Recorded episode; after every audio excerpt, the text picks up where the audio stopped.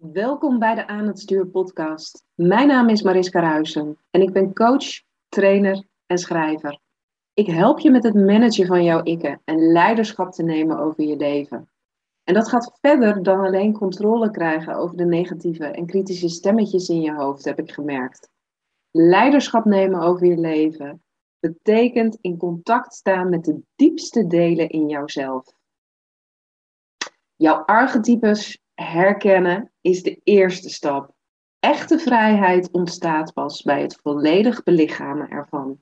Pas als je volledig in je lichaam bent gezakt, komt er weer ruimte om te luisteren naar je innerlijk kompas. Want die weet altijd de weg. Ik wens je heel veel luisterplezier. En tof dat je weer luistert naar een nieuwe episode van de Aan het Stuur podcast. Deze keer met Vanessa Bender. Zij is de vijfde dame inmiddels al in een rij van inspirerende vrouwelijke ondernemers die werken vanuit hun vrouwelijke kracht en daar succesvol mee zijn. Vanessa en ik hebben elkaar leren kennen via Instagram. En Vanessa werkt met name met hypnose, waarmee ze uh, ondernemers naar een hoger niveau weet te tillen. Maar ze doet meer dan hypnose alleen. Ze maakt gebruik van haar spirituele gaves. En juist die spirituele is vaak waar wij als vrouwen zo bang voor zijn. Ga luisteren en geniet weer van deze nieuwe aflevering.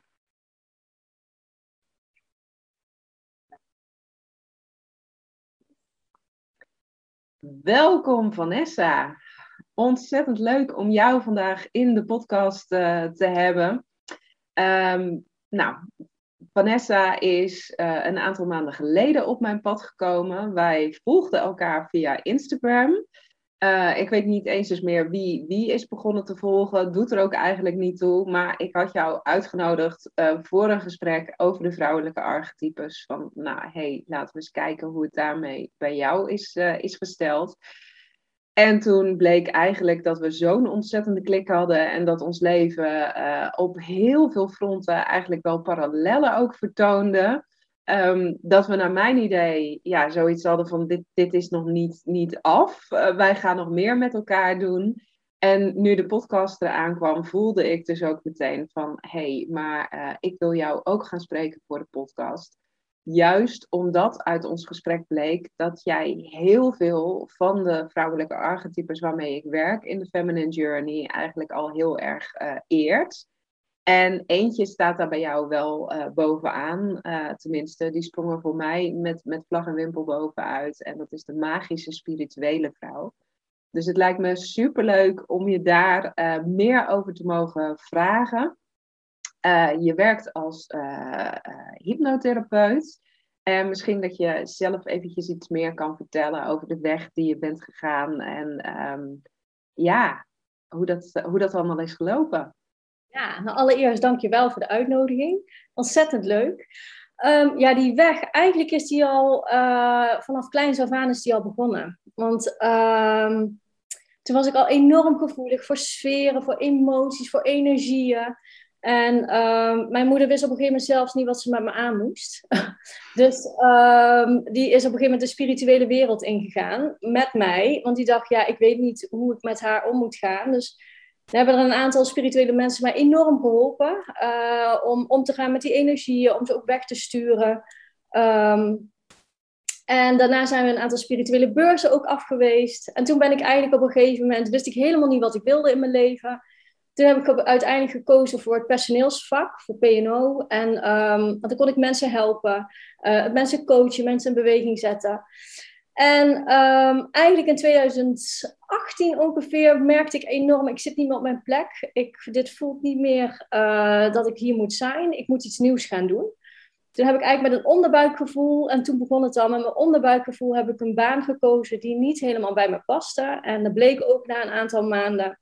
En toen kwam ik eigenlijk zonder werk te zitten. En toen dacht ik, uh, wat nu? Ik kreeg allemaal vacatures binnen voor PNO-adviseur, want dat is mijn achtergrond dan. En toen dacht ik, oh, dat wil ik helemaal niet. Ik krijg je benauwd. Ik, uh, poeh, help, help. En uh, toen hoorde ik eigenlijk van iedereen die heeft minimaal één passie.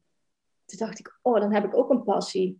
En toen dacht ik, en nu ga ik mijn passie vinden. En ik heb eigenlijk een coachingstraject toen gevolgd van acht weken lang. En daar is eigenlijk alles mee gestart. En, um, en nu uiteindelijk ben ik dus echt business coach in combinatie met hypnose.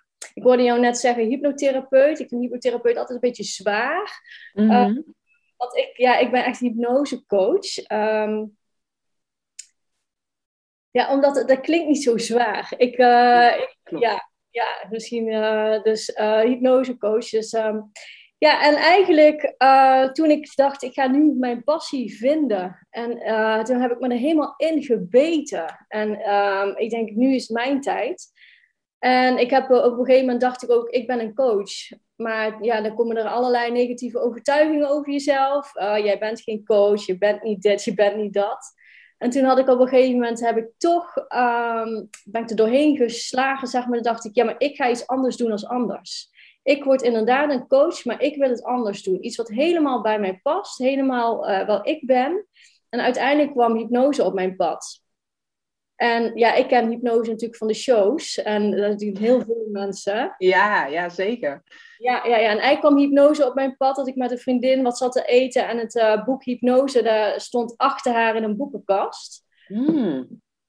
En uh, toen viel mijn oog erop. dacht ik, hé, hey, dat is interessant, hypnose. Uh, verder geen aandacht aan geschonken. En een week later was ik een weekendje weg. En er was ook een hele grote boekenkast. En um, daar stond ook een boek in, hypnose. En toen dacht ik, uh, het was hetzelfde boek trouwens hoor. Toen dacht ik, hé, hey, maar dat is bijzonder. Hetzelfde boek, hypnose.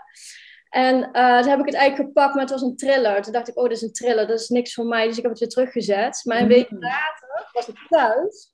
Toen ineens kwam hypnotherapie in mijn gedachten op. Ik dacht, hypnotherapie, was dat dan? Geen ja. wil ik het op gaan zoeken. Ja, en geschieden. Ik heb me eigenlijk gelijk opgegeven voor de opleiding. En de eerste dag dat ik daar zat, dacht ik, mijn god, dit is niks voor mij, help. En de tweede mm. dag dacht ik, ja, dit ben ik. Punt. Ja. dit, is helemaal mijn ding. En um, ja, uiteindelijk ben ik ook, um, wat je net al zo mooi zei, die spirituele vrouw echt gaan ontdekken. En, uh, en nu combineer ik dat heel mooi, hypnose met mijn spirituele gaven. Dat zet ik allemaal in, in mijn, um, voor mijn klanten. Ja, ik vind het wel mooi dat je zegt van, nou de eerste dag dacht ik op de opleiding van, oh, wat, wat, wat doe ik hier? En daarna voelde ik, dit is mijn ware ik. Um, zou je daar wat meer over kunnen vertellen? Want ik denk dat dit heel herkenbaar is voor, voor veel vrouwen die uh, aan het luisteren zijn. Van, dat, je, dat je soms een stap neemt en dat je diep van binnen voelt van, die moet ik eigenlijk wel zetten. Um, maar dat er dan zoveel weerstand komt, uh, dat je eigenlijk het liefst het bijltje er maar neer zou gooien. Wat maakte dat jij het toch hebt doorgezet?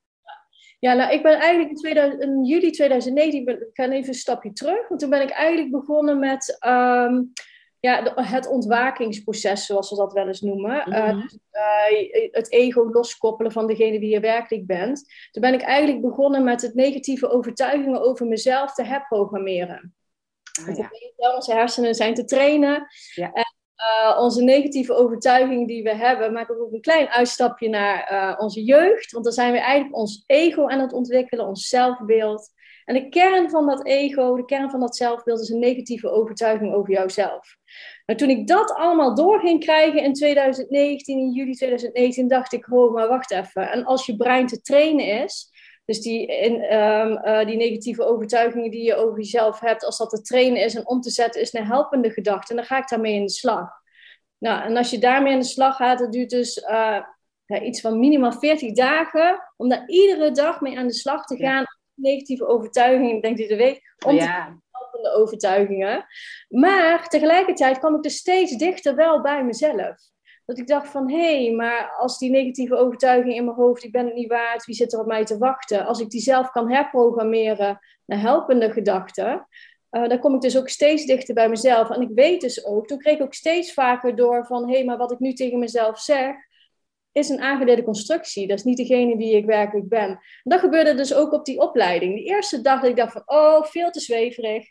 Niks voor mij. Nee, helemaal niks voor mij. En ik vond het wel spannend, want ja, je, je bent best wel intiem met een klant bezig. Vond ik heel spannend. Ik denk, oh, dit is allemaal niks voor mij. Maar toch dacht ik, ho, maar dit is wel echt mijn aangeleerde constructie. Die negatieve overtuigingen die ik heb over mezelf, die hier nu aan het spreken is, dat spiritualiteit zweverig moet zijn. En uh, daar heb ik, dat heb ik dus echt aan de kant gezet. En de volgende dag ben ik er echt met een hele open blik in gegaan. En gedacht, ja wel, dit ben ik. Ja, mooi. Mooi. gewoon ik. Ja. En hoe meer ik zeg maar in mijn eigen kracht ging komen, hoe meer ik ook ging denken van, joh, het maakt me helemaal niet uit wat een ander ervan vindt. Want dit ben gewoon ik. En als iemand het niet zint of wat dan ook, ja, dat is dan eigenlijk niet mijn probleem. Nee, mooi, mooi. Ja. En hoe was dat voor jouzelf om te ontdekken van dit ben ik? Want ehm, ja, wij hebben eigenlijk een, een soortgelijk pad gelopen. Bij mij was het ook dat ik, dat ik ook heel lang in een ambtelijke organisatie heb gezeten, een juridische organisatie. En ik was echt ijzersterk in mijn werk. Maar als ik daar nu op terugkijk, dan denk ik, nou, het was maar zo'n mini-mini stukje van, uh, van wie ik daadwerkelijk was. Um, en zo klinkt het bij jou ook wel, dat op het moment dat je die opleiding ging volgen en dan tot de ontdekking komt van, hé, hey, maar dit ben ik. Um, aan de ene kant is dat natuurlijk iets om te vieren en om uh, fantastisch blij mee te zijn. Maar ik weet wel dat ik ook periodes heb gehad dat ik dacht van, ja, maar als dit is wie ik ben, dan heb ik dus eigenlijk jarenlang niet het leven geleefd wat voor mij was bestemd. Terwijl er die euforie is van hé, hey, ik ben nu aan het toegroeien naar de, naar de versie die ik wil zijn, uh, kwam er tegelijkertijd ook een soort van rouwproces. Herken je dat of niet? Ja, dat herken ik, maar daar heb ik eigenlijk heel snel naast me neergelegd, omdat ik dacht van die stappen, alles wat ik daar geleerd heb, en um, dan weet je ook hoe het voelt om niet degene te zijn wie je daadwerkelijk bent. En uh, hoe meer, ja, een beetje um, vervelend gezegd, hoe meer shit je meemaakt, hoe meer je leert. Uh, hoe meer je dus van jezelf verwijderd staat, um, ja, hoe meer je dus weet hoe het is om daar te zijn. Dus ik ben ervan overtuigd dat we allemaal onze lessen moeten leren en, en echt ja, diepe dalen onderhand moeten zien. Ja om weer daar jezelf weer te, te kunnen uh, herpakken en te denken van, um, maar zo hoort het leven te zijn. En op het moment dat je echt degene bent wie je werkelijk bent, ja, dan is gewoon echt het onmogelijke is mogelijk. En toen ik dat door ging krijgen en dat je je droomleven kan manifesteren als je echt in lijn bent met wie je echt bent, in lijn bent met het universum, ja, dan gaat er gewoon echt een poort open. Dan gaat er echt gewoon een poort open vol wonderen. Ja, ja, mooi. Mooi. Ja. Heel, heel mooi. En toen, toen ging je die opleiding uh, doen. En, en jij zei al van nou gaandeweg kwam ik erachter dat ik daar mijn eigen sausje overheen uh, mocht gooien. Dat ik daar eigenlijk mijn, mijn spirituele gaven helemaal in mocht verweven.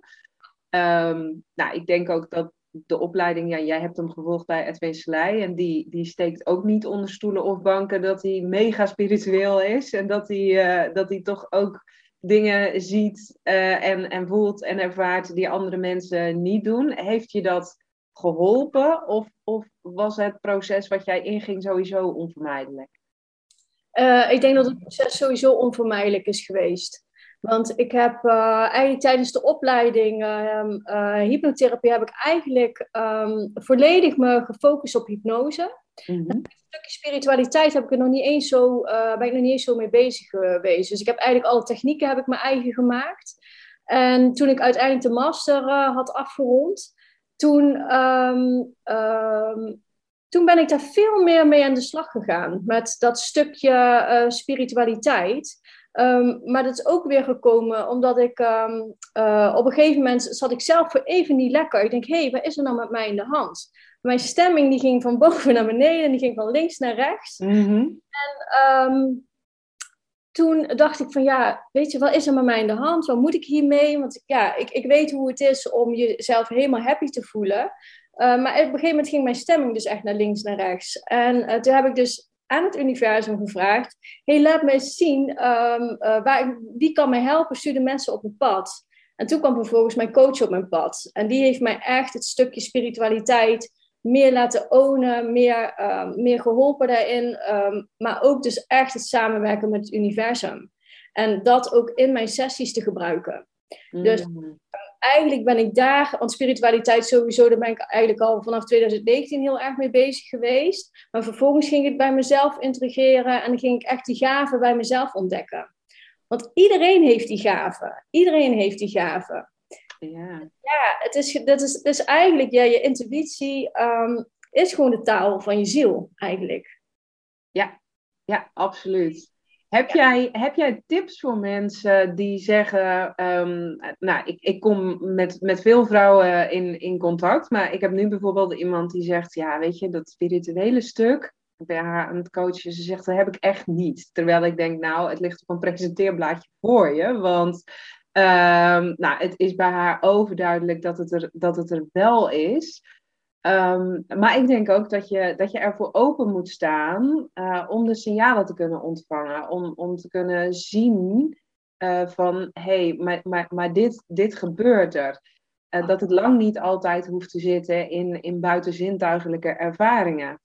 Um, he, heb jij tips hoe je dat wat makkelijker zou kunnen ontwikkelen? Ja, ja. want eigenlijk, iedereen heeft gewoon die verbinding. Iedereen heeft gewoon een intuïtie. Um, en wat ik net al zei, dat is gewoon de taal van je ziel. Alleen wat er gebeurt op het moment dat je te veel in je hoofd zit, te veel ego-gedachten hebt, te veel luistert naar de gedachten: ik ben het niet waard, ik ben niet goed genoeg, wie zit er op mij te wachten? Eigenlijk, dat je, dan maak je de, um, de taal van je ziel, je intuïtie, maak je troebel. Die blokkeer je als het ware. Je energie stroomt niet. Dus je blijft dan in die lage energie hangen. En op het moment dat je in die lage energie blijft hangen, ben je dus niet bereikbaar voor het universum. Dus heel veel, heel veel vrouwen, ik krijg dat ook. Uh, ik vind het, die, die zeggen tegen mij: Oh, wat gaaf wat je doet. Ik, uh, maar ik kan dat niet. Ja, maar iedereen kan dat. De ene is misschien wat meer gevoeliger dan de andere. Of de ene die heeft, uh, um, want je, bent, kunt helder voelend, helder ziend, helder ruikend, helder wetend. Je kunt allerlei um, talen, zeg maar. Je ja. moet ontdekken van, hé, hey, maar welke taal is mijn, praat mijn ziel het liefste tegen mij? Zie je vaker beelden? Um, ben je gevoelig? Voel je misschien kippenvel? Of is het je helder weten? Dus uh, mijn tip is echt van allereerst is bewust worden van je gedachten. Um, wat zeg je de hele dag tegen jezelf? En wat houdt je, haalt je naar beneden in je energie? Um, want juist als je hoog in je energie bent, dan ben je het meest bereikbaar voor het universum en voor je intuïtie dus. Ja, ja. ja. Werk jij daarin dan, dan zelf ook met ochtendrituelen? Wat, wat voor mij bijvoorbeeld heel erg werkt, is ik weet gewoon van ik sta het meeste open uh, op het moment dat ik nog maar net wakker ben. En als ik dan zorg dat ik echt meteen ook ga intunen op hoe mag mijn dag verlopen. Uh, ik schrijf nou sinds kort morning pages van, uh, van Julia Cameron. het idee van nou, je schrijft s ochtends drie pagina's vol aan één stuk wat er door je pen heen wil komen. Nou, en dan zitten er af en toe echt passages tussen. Dat ik denk, hè, uh, dat had ik niet zelf verzonnen, maar dit voelt zo waar. Hier moet ik nu direct iets mee gaan doen. Uh, is, uh, werkt dat dan voor mensen die zeggen van, nou, ik, ik vind het moeilijk om, om, om dat kanaal zuiver te houden en, en alle ruis te verwijderen? Of zeg je van, nou, er zijn ook nog hele andere dingen die je zou kunnen doen? Kijk, als iemand al zegt, ik vind het moeilijk, ja, dan is het ook moeilijk. Ja. ja want dan, ja, je woorden, um, die hebben natuurlijk ook een trilling. En als je zegt, ik vind het moeilijk, ja, dan trekt het je al gelijk naar beneden. Maar als je al start met, ik vind het makkelijk, ik kan heel goed uh, um, met het universum communiceren, dan gaat het me heel makkelijk af. Um, ja, dan ga, ga je ook een hele andere energie in.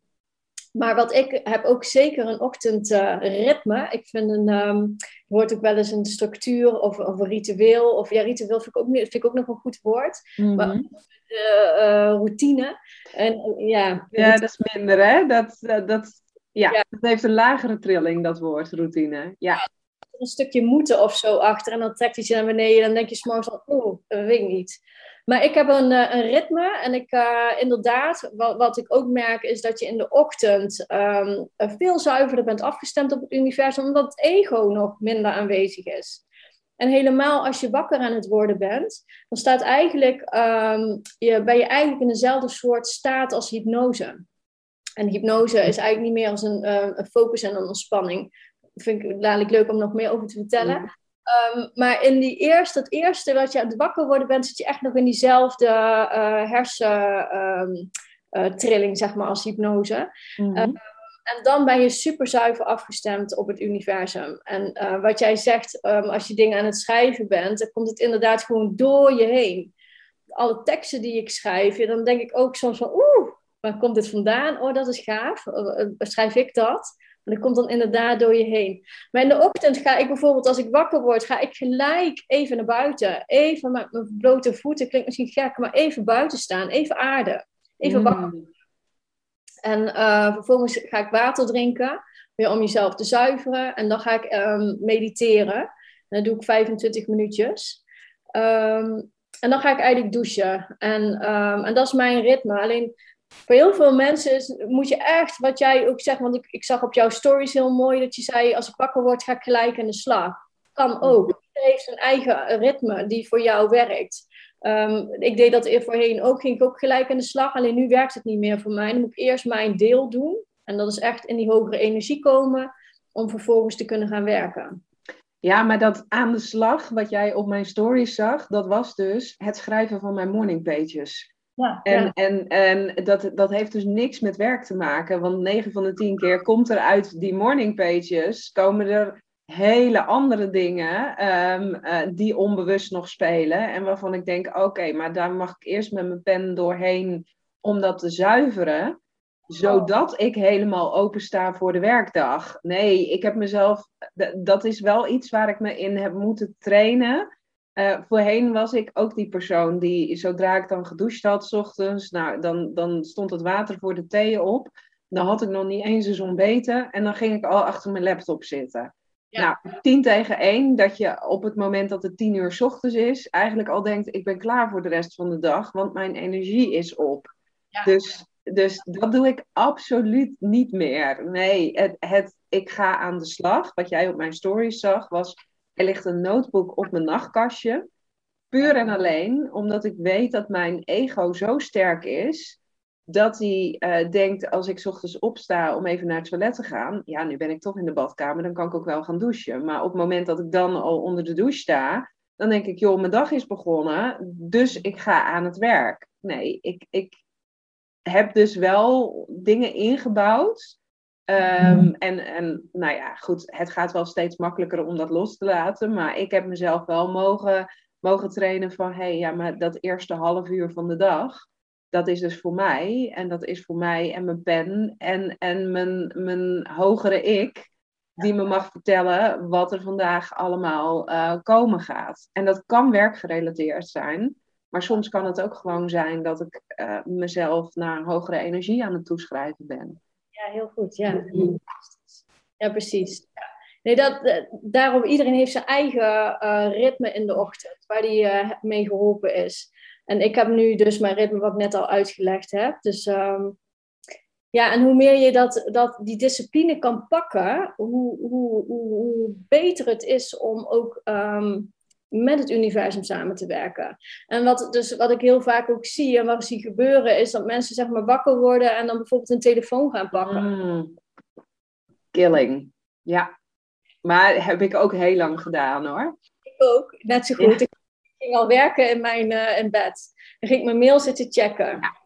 Ja, en, wat je, en ook Facebook zitten checken en het nieuws zitten kijken. Ja, en wat je want, want je onbewuste staat eigenlijk dan al open om te leren in de ochtend als je net aan het wakker worden bent.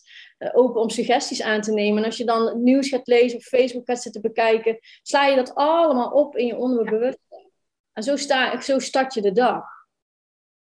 Ja, ja. En echt, wat je zegt, killing. Ja, nou ja, absoluut. Uh, nieuws volg ik sowieso zo, zo min mogelijk, omdat daar natuurlijk een, een hele lage trilling in zit. Um, dus ik heb mezelf ook vrij lang wijsgemaakt van, nou ja, goh, als ik dan eventjes scroll op Instagram, dat kan geen kwaad. Maar zelfs daar gaat je onderbewuste mee aan de haal van, oh, zie, kijk eens wat die allemaal aan het doen is en die is al zo ver. En op het moment dat je met een energie van vergelijkeritis je dag ingaat, ja, dan is alles wat je gedurende de rest van de dag doet niet goed genoeg. Of je komt in een energie van streven terecht, van ja, het moet minstens net zo goed zijn als al die perfecte plaatjes die ik op Instagram zie. Dus ja, nee, dat, dat zijn absoluut dingen waardoor ik zeg van het, het is killing. Als je dat eenmaal doorhebt. Um, en tegelijkertijd is er niks verslavender dan die gekke social media. Want ja, je kunt er ook niet zonder. Nee, klopt. Ja, ik zet eigenlijk altijd mijn telefoon voordat ik ga slapen gewoon beneden neer. Want dan kom ik ook niet in de verleiding. Want het is natuurlijk veel moeilijker om naar beneden te gaan lopen. Um, maar ja, inderdaad, wat ik ook heel vaak, want ik vind het ook wel mooi dat je zegt, wat heel vaak wat ik ook zie bij mijn klanten, en ik, heb, ik kan het zelf ook nog wel doen hoor, alleen ik, ga, ik ben me daar heel snel bewust van, is dat mensen zich gaan vergelijken met anderen. Ja. En zij is verder, of zij doet het beter, zij heeft die programma's allemaal al neergezet. Ja, en wat je dan gelijk al doet, is dat je aan het oordelen bent, je bent het veroordelen en dan trekt je al gelijk naar beneden in je energie. En het heeft totaal geen zin. Het heeft totaal geen zin. Ja, dat weet je, het heeft echt geen zin. Want... Nee, nee, nee. Je, je bent daarmee je eigen grootste saboteur. Ja. Ja, ja, het heeft ook geen zin, want mensen die komen af op jouw energie. Op waar jij nu staat, op de kennis die jij nu hebt. Ja. En als je een ander wil gaan nabootsen of je, je, je, je bent bezig van uh, um, die doet het veel beter, dan trekt het gelijk al uit jouw energie. En als, het uit, als je uit je energie bent, dan kunnen mensen ook niet bij je gaan aanhaken, omdat je niet bereikbaar bent.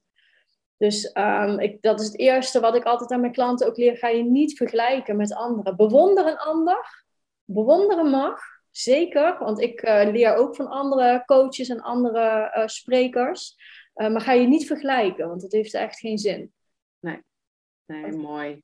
Ja hey, eventjes iets heel anders. Jij, jij hebt het zo mooi erover met je spiritualiteit en, en uh, dat je kunt samenwerken met het universum. Nou, dat klinkt allemaal uh, uh, super mooi. Dat is het ook op het moment dat je dat doet. Dat weet ik uit ervaring ook. en tegelijkertijd heb ik er heel lang weerstand tegen gevoeld, omdat ik in het verleden ook echt wel eens angstaanjagende ervaringen heb gehad. En nou ja, jij, jij vertelde ook van goh, mijn moeder die was bezig uh, als klein meisje om bepaalde energieën bij mij weg te halen. Um, ik denk dat dat ook wel een, een struikelblok is voor veel vrouwen die zeggen van ik sta aan het begin van mijn spirituele ontwikkeling. Dat er of herinneringen uit vorige levens, uh, angsten nog liggen opgeslagen. Of dat je denkt, nou, ik heb gewoon echt wel een, een heftige ervaring gehad. En dat wil ik niet meer. Ik heb in mijn twintiger jaren echt een paar dingen meegemaakt waarvan ik later dacht van wow, nou ik, ik ga dit nooit tegen iemand vertellen. Nou, misschien goed om dat dan nu in de podcast uh, wel, wel te doen. Maar het zijn ook wel echt dingen die, die me angst aan hebben gejaagd. Ja. Ik weet nog toen ik begin twintig was en ik met mijn eerste vriend uit eten was in een Mongools restaurant. Daar hing een uh, enorme uh, sabel boven ons, uh, ons hoofd. Het, het, was ook echt, ja, het was een grillrestaurant, maar alles was, was ingesteld op die Mongoolse krijgers. Dus er zat een enorme, um, ja, zware energie al in het restaurant, want alles was gericht op vechten. En nou, wij, wij zaten gezellig te eten en ik hoorde ineens achter me, hoorde ik een stem je gaat dood, Basje, je gaat dood. Nou, en mijn vriend heette toen Bas. En dat bleef zich maar herhalen. En ja, echt kippenvel all over the place. En ik weet nog dat ik ja, alles wat op mijn bord lag uh, aan de kant heb geschoven. En heb gezegd, we moeten nu weg, we moeten nu weg. En iedere keer als we dan langs dat restaurant reden in, in Eindhoven, ja, dan, dan verkilde ik gewoon helemaal. Dat ik daar zo'n angst voor had.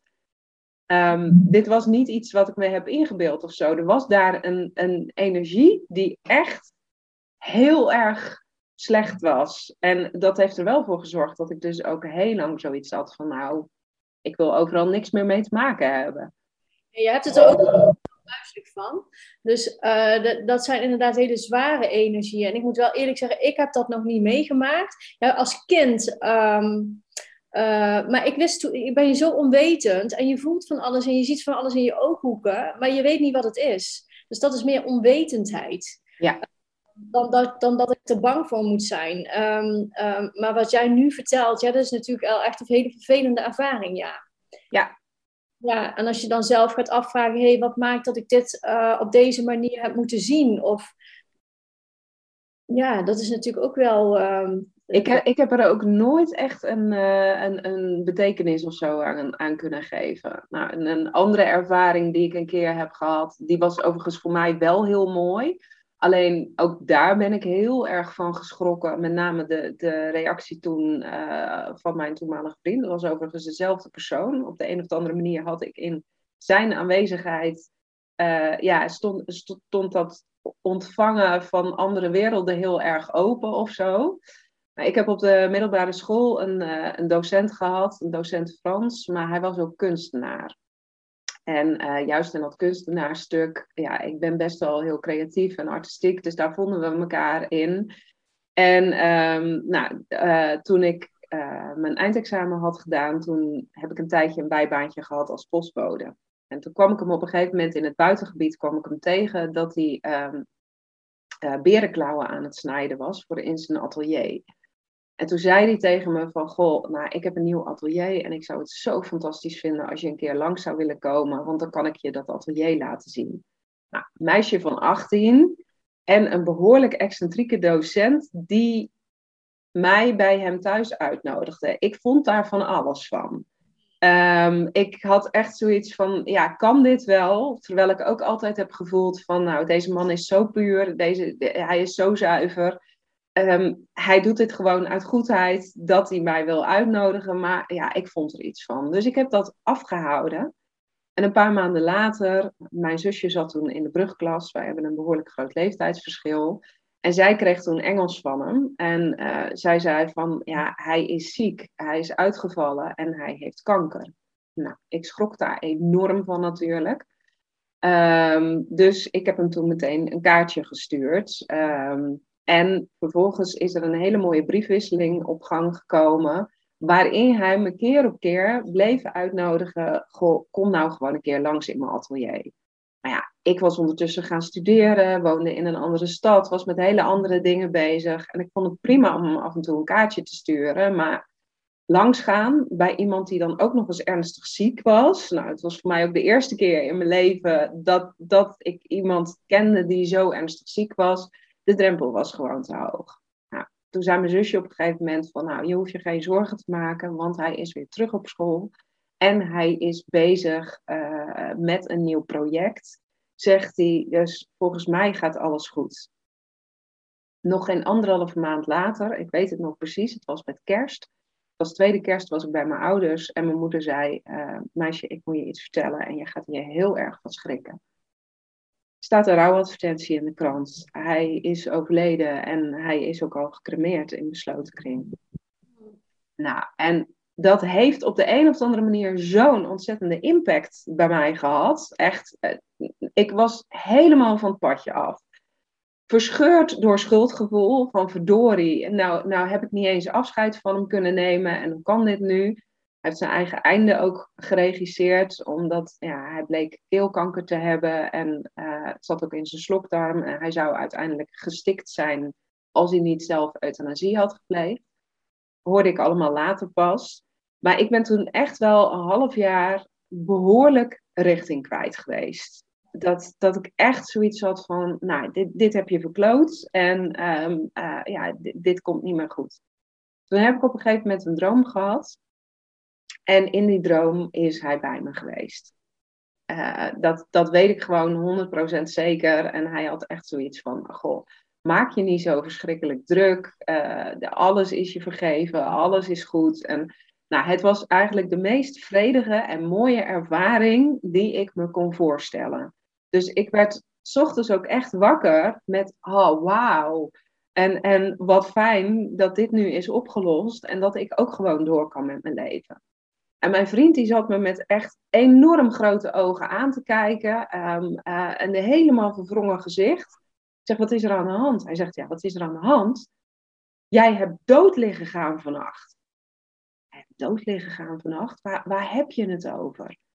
Nou, en hij had al wel vaker spirituele ervaringen gehad. Hij zegt, ja, ik, ik werd wakker vanocht, uh, vannacht van een licht in de kamer.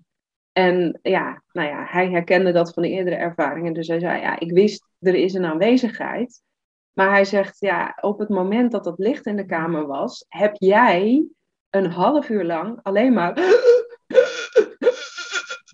liggen doen, naar adem liggen snakken. Hij zegt, ik ben als een bezetene aan je aan het duwen en aan het trekken geweest. Want uh, ja, ik had zoiets, jij moet wakker worden, want dit, dit, dit komt niet meer goed.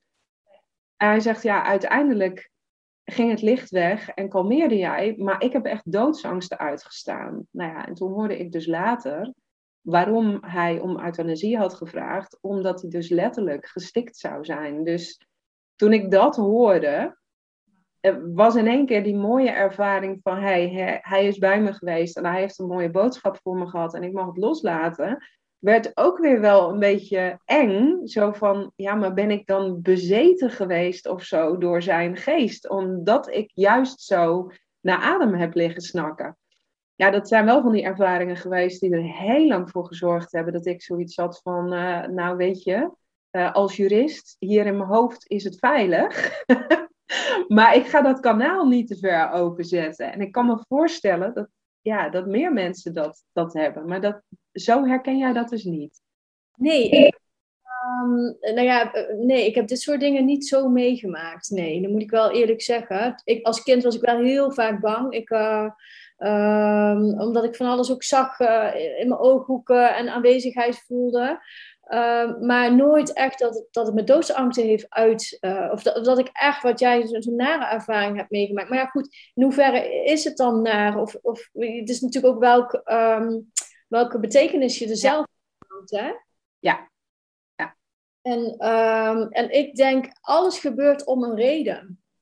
Alles gebeurt om een reden. Dus misschien is het gewoon dat je nog niet klaar was om stappen te gaan zetten in de spirituele wereld. Dat je nog heel wat dingetjes te leren had um, op dat moment, voordat je deze weg die je nu hebt ingeslagen, ja, ja. Uh, mogen bewandelen. Want ik geloof ook echt, we moeten echt zoveel lessen ook leren voordat, um, of in ieder geval dat je best veel lessen moet leren, wil je echt op een gegeven moment dat pad gaan vinden. En dan ben je, ja, wat, wat ik, als ik mezelf vergelijk met nu en een aantal jaar terug. Um, ik denk dat ik een aantal jaar terug de, in de week uh, misschien twee momenten had dat ik me even fijn voel. En nu is het andersom. heb ik ja. gewoon dagen, ik voel me fijn. En de momenten dat ik me niet prettig voel, denk ik, hé, hey, wat is er aan de hand? Maar die zijn echt zo schaars. Omdat ik mezelf ook constant in die hoge energie aan het zetten ben. Omdat ik weet, op het moment dat je in die hoge energie zit, um, uh, heb je die connectie met het universum. En, en ben je gewoon echt wie je, wie je echt bent. En, ja, en dan ga ik even een, een, een, een stapje maken naar hypnose. Ja. Want wat je eigenlijk doet ook met hypnose, is die negatieve overtuigingen die je hebt over jezelf, die pak je aan. En je zet jezelf eigenlijk in een hogere trilling. Omdat je die negatieve overtuigingen, die reset je bij de, bij de kern waar ze zijn ontstaan. Die zet je om naar helpende gedachten, waardoor je veel meer zelfvertrouwen krijgt. Waardoor je zelfverzekerder wordt, waardoor je in energie komt. De energie gaat weer stromen, dus je gaat hoger in je energie. Ja, en vanuit die hoge energie, dan weten we, daar kunnen onze dromen naar ons toe komen. Ja, ja, ja, daar trek je alleen maar meer van aan. Dat vind ik heel mooi dat je dat, dat bruggetje maakt. Want ja, ik heb me na dit soort ervaringen dus ook letterlijk 15 jaar lang helemaal hiervoor afgesloten. Omdat ik zoiets had van ja, nou, als, als ik dat kanaal laat openstaan en dit soort dingen komen tot me. Uh, ja, dat kan ik gewoon helemaal niet handelen en dat wil ik niet. Daar voel ik me niet fijn bij. Maar inderdaad, het moment dat ik de omslag ben gaan maken, allerlei coachingsopleidingen ben gaan volgen, eh, natuurlijk zelf met, met aan het stuur, het managen van, van al die stemmetjes in je hoofd aan de slag ben gegaan, uh, ja, dan zit je al in een andere energie. En ik kan nu alleen maar zeggen van de onverklaarbare dingen die dan af en toe op mijn pad komen. Um, ik heb bijvoorbeeld vorig jaar nog eens een keer gehad dat ik wakker werd. Um, en dat ik dacht, hè, midden in de nacht, uh, zijn de buren nou met muziek bezig of zo? Wat is er aan de hand? Um, en ik dacht, ja, ik, weet niet wat er is. Dus ik ben naar beneden gegaan. En nou, dat was, dat, dat was echt bizar. De poezen die hadden um, per ongeluk de tv aangezet. Midden in de nacht. Het was drie uur 33. Ja, interessant. Ja, interessant natuurlijk. Heel interessant. Um, en um, daar waar eigenlijk de hele nacht dan Telcel en dergelijke op staat, was de tv nu op een gospelkanaal gesprongen. En waren er dus, op het moment dat ik beneden kwam, waren er engelen aan het zingen. En, en nou, het was zo'n mooi nummer en het was zo troostend en het was zo helpend. En het meest bizarre van alles was dus, ik had dat nummer gehoord en wat gebeurde? De tv springt vanzelf weer op Telcel. Dat hele gospelkanaal heb ik dus nooit meer terug kunnen vinden op mijn, op mijn tv, want nou, geen idee waar het vandaan kwam. En dan denk ik, dat heeft er dus wel mee te maken waarschijnlijk dat ik op dit moment ook gewoon echt in een veel hogere frequentie zit, waardoor er dan dus ook mooiere dingen tot je kunnen komen. Absoluut, echt. Dat, ja, dat is gewoon, er gebeuren er gewoon wonderen. Er gebeuren er Als je op die hogere trilling zit, want dan kun je ze ook zien. Dan, dan, ja, dan, dan ben je in staat om ze te zien. Want zit je constant in die lage trilling en, en te luisteren naar de aangeleerde constructie over jezelf, ja, dan trekt je gewoon zo naar beneden. En um, ja, dan kun je het ook niet zien. Dan ben je ook niet bereikbaar daarvoor. En je zit niet op de trilling, maar je bent ook niet, je ziet het ook niet. Om, omdat je dus niet op die trilling zit. Ja, ja. Ja, ja, bijzonder. Er gebeuren echt hele bijzondere dingen. Ja, dat is gewoon, ja. Ja, en dat probeer ik met mijn klanten ook iedere keer, of probeer ik, wij gaan gewoon die wonderen meemaken. Dus sowieso als je Um, ik zeg ook, als je echt een verandering wil maken, maak hem in het onderbewuste. Maak hem in het onderbewuste. Want als je daar geen verandering maakt, dan blijf je constant terugvallen in die oude gedragspatronen. Ja, ja dan is het een soort van grammofoonplaat die maar op repeat blijft staan. Ja. ja. ja. Je, wat, je, wat je gelooft, dat ben je. En op het moment dat jij je gelooft dat je het niet waard bent, of dat mensen niet op jou zitten te wachten en je hebt je eigen onderneming, ja, dan wordt het heel moeilijk om uh, die bedrijfsresultaten en die omzet omhoog te zetten. Want je gaat je constant zitten saboteren. Ja. Ja. Ja, dus dat is eigenlijk altijd mijn, ja, dat is, daar ga ik altijd voor met mijn klanten. Is, werken met dat onderbewuste en daarnaast dus die, Ehm, ja, de, de, de wijsheid die ik ontvang van het universum waar ik mijn klanten mee verder help. Dus ik, mm. doe ook altijd in voordat ik een sessie heb. Ehm, en dan ga ik echt geen gekke dingen uh, over ze te horen, maar wel waar ik ze mee kan helpen. Dus dan schrijf ik eigenlijk altijd mijn punten al op voordat ik een sessie inga, uh, die ik doorkrijg van het universum, waarmee ik ze in de sessie kan gaan helpen. Ja, mooi. Ja, ja want, maar iedereen kan het. Iedereen kan het. Alleen de ene is misschien wat meer gevoeliger. Alleen je moet echt ontdekken van wat is nou mijn communicatiekanaal? Wel, op welke manier communiceert mijn ziel, mijn spirit, degene wie ik werkelijk ben met mij? Is dat via beelden? Is dat via gevoel? Is dat een, een helder weten? Is er een mix daarvan? Ja, ja, ja. Kan dat ook, de, eh, heb jij dat wel eens ervaren dat het ook wel eens wisselt? Dus, dus dat je het de ene keer via het ene kanaal en de andere keer via het andere kanaal binnenkrijgt? Ja, nou, dat was nog de eerste twee weken terug. Uh, ik was in de stad en ik had mijn rugzak om. En um, uh, ik heb in de zijkant mijn telefoon zitten.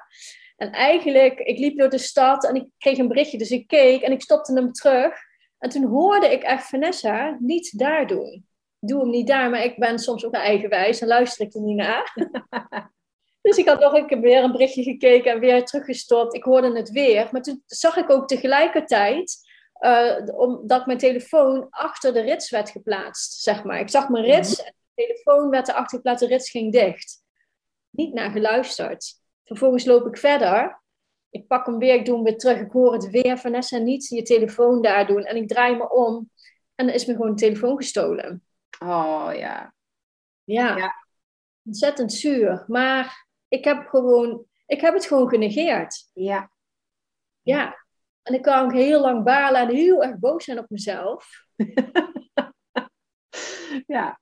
Ja, en eigenlijk is het alleen maar een hele mooie les. Van ja, luister meer. Ja, stel je daar meer voor open. Ja. Ja, en zo ehm, ehm, krijg je ook steeds beter door wat is nou mijn ego, maar wat zegt nou mijn intuïtie. Dat je veel beter dat gevoel krijgt, want je, je ego die tettelt over je intuïtie heen. Want je intuïtie mm -hmm. luistert zachter. En als je te veel in je hoofd zit, kun je er dus niet naar luisteren, naar je intuïtie. Moeilijker. Ja. En als je dit soort dingen meemaakt, is het wel een super harde en dure les. ja. ja. Ja, en dan denk je, ja, ik wist het gewoon. Ik wist het gewoon. En dat hebben, hebben heel veel mensen, dat ze dat onderbuikgevoel hebben of die intuïtie. Nee, ik weet het. Zo moet het gewoon zijn. En dan kun je dus, heb je je intuïtie. Maar wat ik dus doe in mijn sessies, is gewoon die informatie die ik doorkrijg. Mm Dan met mijn klanten bespreek. En waardoor zij nog tien keer sneller gaan. Dan, ja, je raakt gewoon de essentie constant. Ja, ja, ja. Dat is met mijn coaching. En daarnaast die hypnose. Ja, dat is gewoon fantastisch. Dan zeg ik het zelf, ja. Ja. Ja, wat mooi ook om te horen dat jij dit dan eigenlijk als één groot spel, als één grote gift uh, ziet. Want ik denk dat dat heel erg belangrijk is voor de luisteraars. Van hey, um, uh, ja, op het moment dat je in die hoge vibratie zit, dan, dan kun je daar nog zoveel meer uh, mee doen voor jezelf, maar juist ook voor anderen, om dat dan helemaal te gaan omarmen. Is, want hoe hoger je, hoe meer um, blokkades, hoe meer uh, overtuigingen die je over je hebt, negatieve overtuigingen, blokkades opruimt, hoe hoger je komt in je bewustzijn. En hoe hoger je bent in je bewustzijn, hoe beter je mensen kan helpen, hoe, hoe zuiverder je intuïtie wordt, hoe duidelijker het allemaal wordt. Dus dat is, ja, toen ik dat ook door ging krijgen, ik denk, ja, weet je, dan kunnen we wel heel erg boos zijn op van alles en nog wat en op de wereld om ons heen. Maar het begint allemaal bij jezelf. Jij bent verantwoordelijk voor je leven. Jij bent verantwoordelijk over de gedachten die je hebt. En als iemand je raakt met bepaalde woorden, dan kun je heel erg boos worden op de ander. Maar je kunt ook aan jezelf afvragen: hé, hey, maar waarom raakt mij dit? Want ja, je, zeker. Want als je ervan uitgaat dat een ander je eigenlijk nooit met opzet pijn wil doen, maar dat hij ook woorden zegt ehm, die je kunnen raken, dan denk je: ja, maar wat zit er dan in mij die wat mij nu raakt? En dan heb je weer een mogelijkheid om weer een les te pakken. Ja. En om jezelf weer hoger in je energie te zetten. En wat ik ook heel veel zie, is, ja, dat zul je ook misschien zien, dat mensen ook heel vaak heel boos worden op hunzelf, zichzelf straffen. Uh, ja, en dat trekt je natuurlijk ook naar beneden in je energie. Maar wat kun je dan het beste doen? Is vergeef jezelf bepaalde punten. Hé, hey, ik heb deze les of ik heb deze stap gezet, dat had ik beter anders kunnen doen. Ehm, en op het moment dat je jezelf gaat vergeven ervoor, dat je denkt van ja, hé, hey, ja, ik had het inderdaad beter anders, maar ik vergeef mezelf dat ik het zo heb gedaan. En nu ik het zeg, voel ik al gelijk mijn energie omhoog gaan. Dat is ook wat er gebeurt. Hè? Gelijk gaat je energie omhoog. Ja. ja. Ik vergeef mezelf dat ik het zo heb gedaan. Ik had het misschien anders kunnen doen, maar ik heb een les eruit gehaald en ik vergeef mezelf ervoor. En dat is ook uh, wat, wat, als je doorratelt in je hoofd en je gaat maar door met bepaalde overtuigingen die je hebt over jezelf, dan heb je op een gegeven moment niet eens meer in de gaten. Dan denk je dus dat je je denkpatronen bent. Ja. ja. Dan trekt je constant naar beneden. Ja, en op het moment dat je je bewust van wordt, er ook bij stilstaat van, oh, wat gebeurt er nou?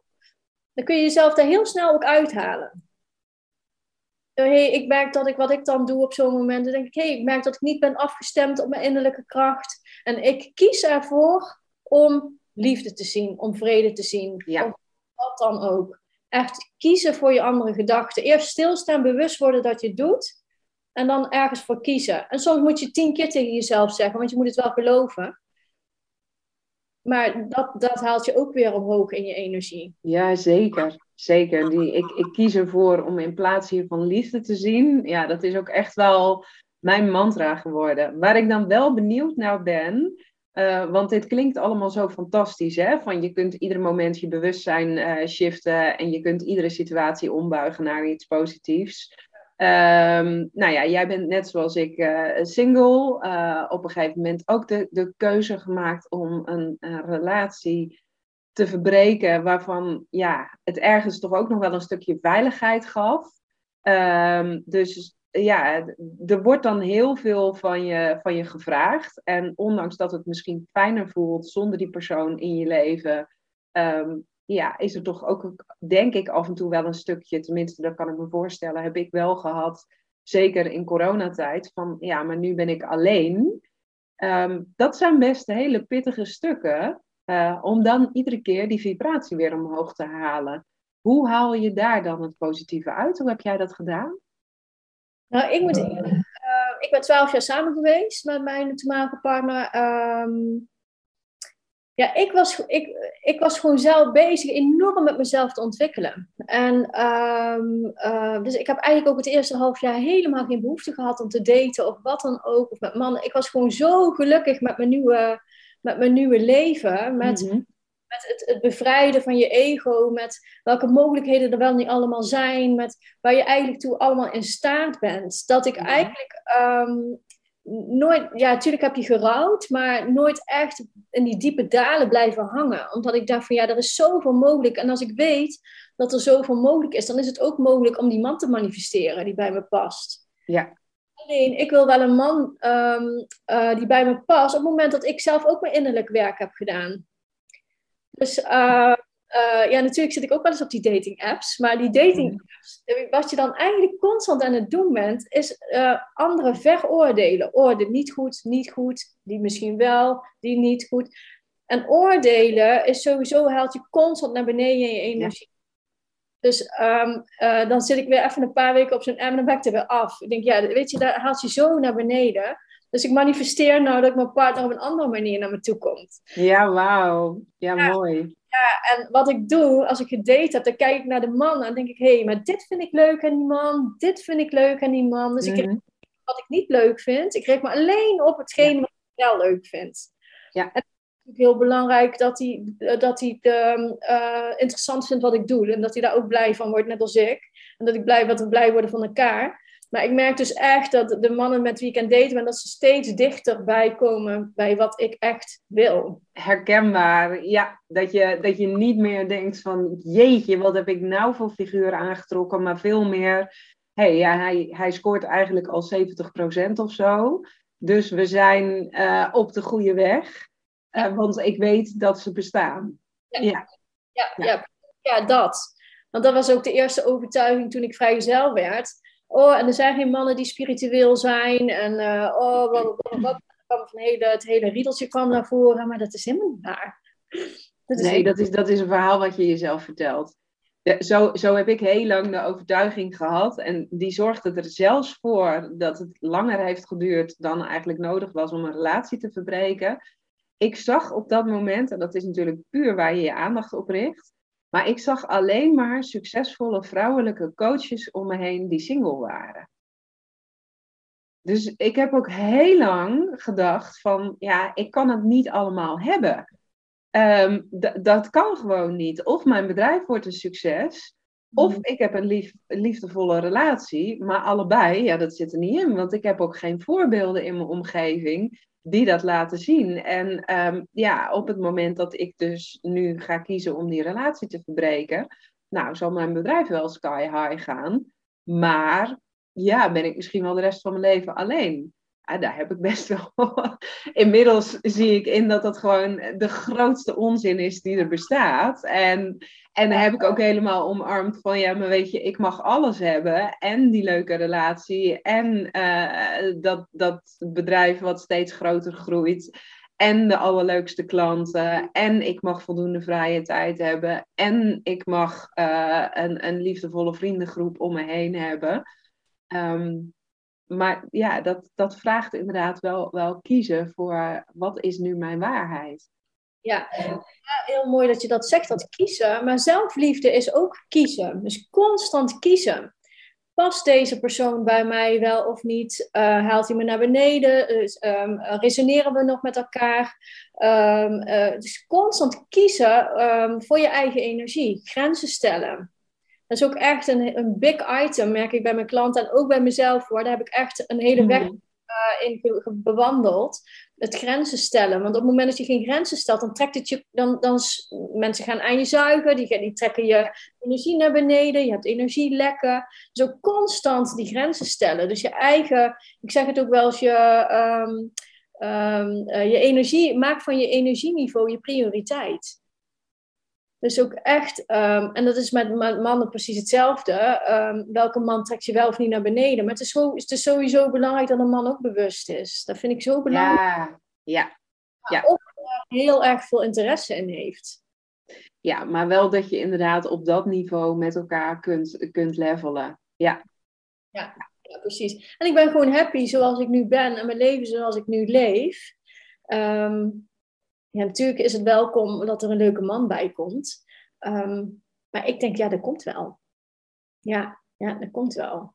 ja, ik manifesteer het gewoon op, dus op een andere manier dan die dating apps. nou, ik vind het heel mooi wat je zegt over dat oordelen op, uh, op dating sites. Dat je, dat je dus automatisch eigenlijk zelf al van alles vindt. Uh, ja, en dat, dat haalt je vibratie naar beneden. Want ja, hoe kun je dan nog openstaan uh, voor een man die, die bij toeval op je pad komt? Uh, daar heb je dan misschien ook je vinklijstje al wel voor klaarstaan. En, en daarmee hou je hem dus onbewust op afstand. Ja, ja. ja en dan komt bij dat je aan het oordelen bent, maar je, je vindt iemand leuk, dus je geeft hem een like en je krijgt hem niet terug. Ja. Dan ga je Ja. al. Ja. ja, en je gaat dus af op foto's. Ja, meestal voel ik wel en de foto en de energie die erachter zit. Ehm, dus eh, ik heb eigenlijk ook alleen maar leuke dates gehad, moet ik zeggen. Nou, wauw. Eigenlijk heb ik alleen maar leuke dates gehad met alleen maar mannen die spiritueel eh, interessant vinden of eh, eh, zelf echt al mee bezig zijn. Maar hij zat er nog niet bij. Nee. Maar het komt wel. Ja, het komt wel. Dus ehm, ja, het stuk oordelen is. Daar zijn we, dat, dat, dat, deed ik, dat deed ik zelf ook drie jaar terug hoor, heel veel.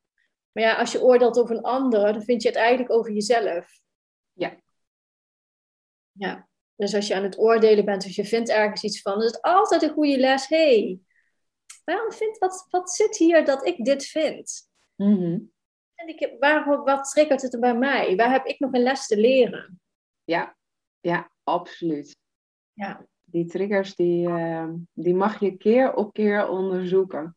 Ja, precies. En dat is ook het stukje spirituele vrouw eh, in jezelf. Hè? Van, eh, d- d- daar is mijn les echt geweest. Ehm, als ik dacht van, oh, spiritualiteit is zweverig, moeilijk, moeilijk. Dan dacht ik, oh, maar wat zit er in mij? Hoe meer ik dat ging ownen, hoe meer ik ook die spirituele vrouw naar voren kon laten komen. En hoe meer ik ook kon staan voor hypnose en voor wat ik doe.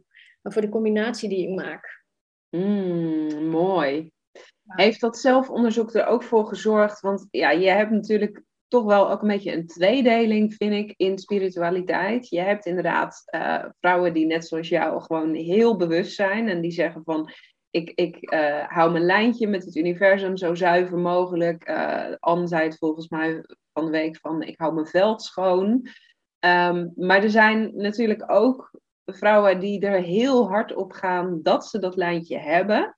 Um, en die dan bijna een soort van neerbuigend gaan zijn naar de ander van ja, maar ik weet wel hoe het zit. Um, dus, dus dat de spiritualiteit ook de absolute waarheid is. Hoe zorg je er nou voor dat je dat um, uh, ja, niet met elkaar gaat vermengen? Ja, ja ik, ik, denk als je zegt van ik weet wel hoe het zit, dat dat al een stukje ego is die dat tot je spreekt. En, um, want we weten het allemaal niet. en als je vanuit die bril uh, nieuwsgierig blijft, gewoon echt die nieuwsgierigheid erin houdt en vanuit verschillende kanten, dan, dan strookt ook je energie veel meer. Dus ja, weet je, ik, um, wat ik voel en wat ik zie en de beelden, um, op het moment dat het dat, dat uitkomt dat het waar is, net als die telefoon, net als het boek Hypnose wat ik zie, net als Weet je, dat zijn allemaal bevestigingen van ja, jeetje, het, dit is gewoon echt. Zo heb ik ook bijvoorbeeld, um, uh, iedereen die zei tegen mij, je moet de alchemist gaan lezen. En toen, mm. ik heb een straatbibliotheek hier in de buurt en dacht ik, op een dag ligt dat boek in die straatbibliotheek. en jawel. En jawel, ik liep er voorbij en mijn gevoel zei, Vanessa, je moet nu terug. Ik ging terug en het lag erin. Ja. Dus na vier, vijf maanden. Dus weet je, dit soort dingen uh, uh, merk je alleen maar op van ja, dat, dat sommige dingen wel waar zijn. En natuurlijk kun je er een keer naast zitten, maar op het moment dat je zegt ik weet het, ja, dat is al een stukje ego. Ja. Dat mag je gewoon loslaten. Ja, mooi. Dus je wel laten leiden, maar ook berusten in het niet weten. Ja. ja. Niet weten is eigenlijk misschien nog wel veel interessanter. Want dan, dan, dan zie je nog de dingen die je misschien niet ziet op het moment dat je zegt dat je het weet. Ja, ja absoluut. absoluut. Ja. En ik denk ook dat je een veel zuivere, uh, meer zuivere verbinding met de ander kunt aangaan. Als je gewoon durft te zeggen van, hé, hey, nou, ik krijg bepaalde dingen door. Resoneert het met je? Uh, klopt dat voor jou dan wanneer je het als een absolute waarheid presenteert? Klopt, klopt. Want de dingen die ik doorkrijg van mijn klant, Um, uh, ja, dat kan over van alles zijn. Dat kan bijvoorbeeld ook zijn, um, um, ja, ik heb ook mensen die in een baan zitten dat heel zwaar voelt. Dat voelt dan heel zwaar en dan krijg ik mm. door bijvoorbeeld. En dan check ik het altijd. En op een gegeven moment zeggen de klanten altijd als ik vraag hoe is het? Ja, jij weet het al. dat krijg je een aantal sessies. Ja. Jij weet heel goed hoe het met me gaat. Dan denk ik, ja, ik wil het eerst van jou horen. dus uh, of ze zeggen, ja, het gaat goed. Dan zeg ik, weet je het zeker? Ja. Dan zeggen ze, ja, ik kan met jou niet uh, liegen. dus nee. ja. ja, dus... Um... en natuurlijk, het, ja, ik zit, ik zit er toch wel meestal wel, bij. Maar ik ben altijd wel van, joh, het kan ook zijn dat het niet zo is. Maar meestal voel ik het wel heel goed aan. Mm, mooi ik denk ook dat naarmate je dat meer gaat doen en, en vaker gaat doen, ja, dat, dat het ook steeds vanzelfsprekender is dat de info die je doorkrijgt, dat die ook kloppend is klopt. In het begin schrok ik ervan, dus ik kreeg informatie door. Schrikken als in van, oh, eh, wat gebeurt er nou? Ik krijg informatie door. Want de, informatie die ik doorkrijg is niks uh, heel erg persoonlijks. Of, weet je, het heeft altijd te maken met spirituele groei. Altijd te maken in, want die intentie zet ik ook van tevoren. Ik wil echt informatie doorkrijgen waar mijn klant mee is geholpen. En waarmee ze echt met sprongen vooruit gaat. Mm. En dan krijg ik ook informatie door die daarmee te maken heeft. De andere informatie krijg ik eigenlijk niet door. Dat, dat doet er ook niet toe en die, dat claim ik ook niet. Die intentie zet ik ook niet. Dus, ehm, dus ja, dat. Ja, mooi. Zijn er nog dingen waarvan jij zegt, nou, hé, hey, daar moeten we het eigenlijk echt nog met elkaar over hebben? Dat is nog niet aan bod gekomen en dat is wel interessant voor de luisteraars om, om te weten hoe dat zit. Ja, ik kan echt uren over spiritualiteit Jij denk ik ook. Ja, ja, ja, ja zeker, zeker. Maar ik denk, um, ja, um, geloof gewoon echt, als jij gelooft dat je het kan, um, ga, ga, ga, ga aan de slag met het onderbewuste. Ga aan de slag met het onderbewuste. Want als je het daar niet aanpast, als je het daar niet gaat resetten, ja, dan blijf je constant terugvallen in die patronen. Dus, um, dus ja, en dan zetten we die hypnose voor in. Ja, ja, ja, ja, super mooi. Denk jij dat jij, um, als je hier niet bewust zo mee aan de slag uh, was gegaan, als jij niet iedere keer had gezegd van hé, hey, ik ga die overtuigingen schonen en, en ik ga erop vertrouwen dat, dat wat er via afstemming tot mij door wil komen, dat dat ook klopt. Uh, denk jij dan dat jouw bedrijf net zo snel gegroeid was als uh, dat dat nu het geval is? Nee, nee. Want hoe meer ik dat ging doen, hoe, meer ik, hoe dichter ik kom bij degene wie ik echt ben. En hoe meer mensen daarop aan gaan haken. Want dat is echt mijn hoge energie. En dat is bij andere mensen precies hetzelfde. Als je echt bent wie je echt bent, daar haken mensen op aan. En op het moment dat mensen daarop aanhaken, ja, dan ga je gewoon in je bedrijf gewoon sneller. Want als je je constant in die lage energie houdt, ik ben het niet waard, wie zit er op mij te wachten? Ja, dan ga je ook uitstelgedrag vertonen, dan ga je perfectionisme eh, vertonen, dan ga je controlegedrag vertonen. Ja, en dat ga je zien in je bedrijfsresultaten. Ja, ja. ja. dat is een hele mooie. Die is zo herkenbaar. En ja, voor je het weet, ehm, ben je dan ook helemaal in die ongezonde mannelijke energie van pushen, duwen en trekken terechtgekomen.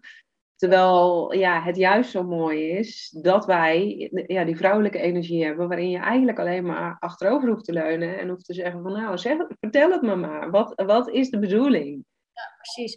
En wat er nog binnen schiet, wat ik ook heel graag nog wil meegeven, is um, uh, dat hypnose helemaal niet eng is. Mensen vinden het heel spannend, omdat ze denken dat ze de controle los gaan laten. Maar dan betekent dat dus we juist op die controle gaan werken. Mm.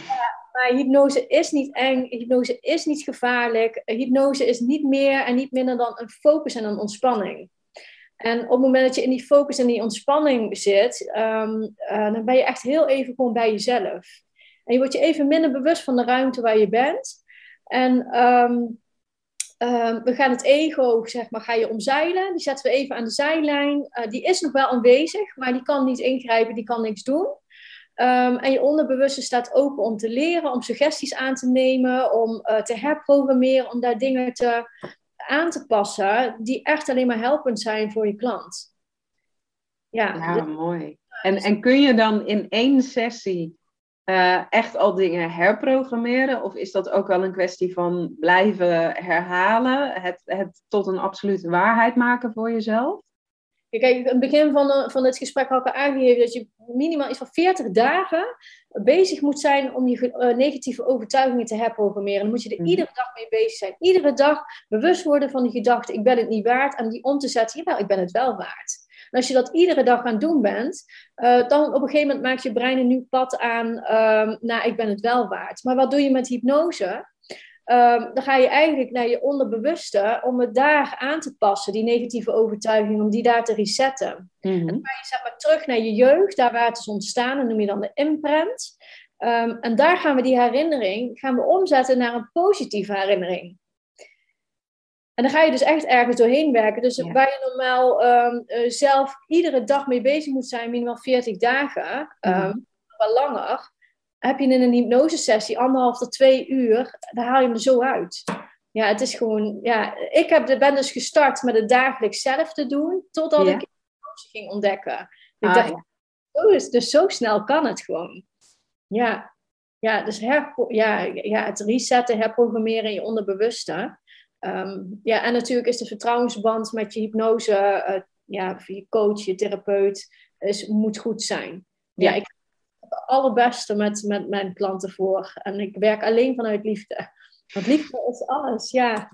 Ja, ja mooi. Heel mooi als mensen meer over jou uh, te weten willen komen, als ze denken van hé, hey, nou hier heeft iets geraakt en als het zo makkelijk is om uh, inderdaad in één sessie al hele belangrijke dingen in mijn systeem te herprogrammeren, uh, wat is dan de makkelijkste manier om jou te gaan volgen, om jou te kunnen vinden?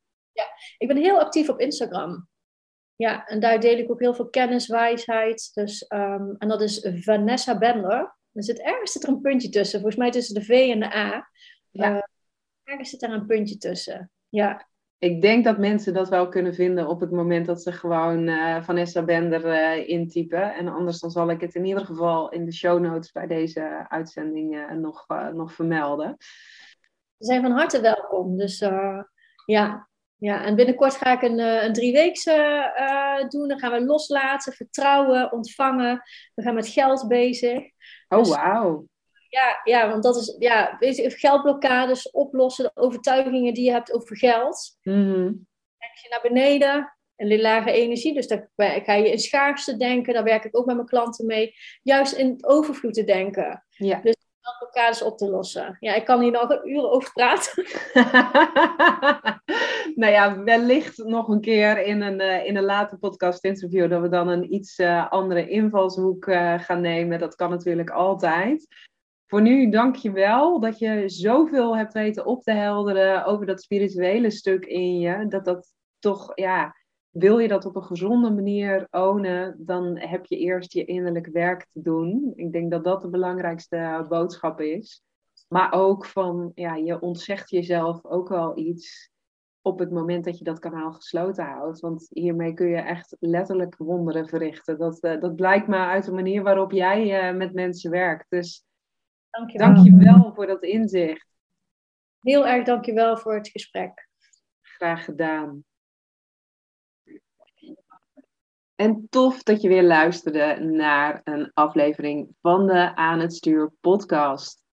Vond je deze aflevering nou inspirerend? Tag me dan op Instagram en het liefst natuurlijk dat je Vanessa daar ook bij tagt. Zo kunnen meer mensen in contact komen met de podcast.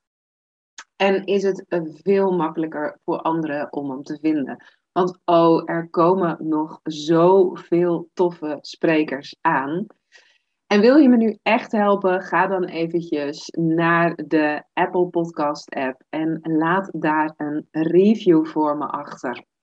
Ben je nou benieuwd hoe ik werk met al die vrouwelijke energie en waarom ik zo ontzettend veel archetypes uh, langs laat komen? Die zijn onderdeel van mijn nieuwe programma The Feminine Journey, waar je door de podcast heen zeker al wel iets over hebt gehoord. Een half jaar lang neem ik je mee langs negen vrouwelijke archetypes en gaan we zorgen dat je die op alle lagen in jouw lichaam kunt gaan embodyen, kunt gaan omarmen, volledig kunt gaan ownen. Nou, lijkt je dat tof om daar meer over te weten? Boek dan een gratis strategie call met me. Dan laat ik je zien waar jij nog winst kunt behalen als je aan de slag gaat met je vrouwelijke archetypes. Zoek me op op Instagram of stuur me eventjes een berichtje via de site en dan spreek ik je heel graag. En ik hoor je natuurlijk snel weer in een nieuwe aflevering van de Aan het Stuur podcast.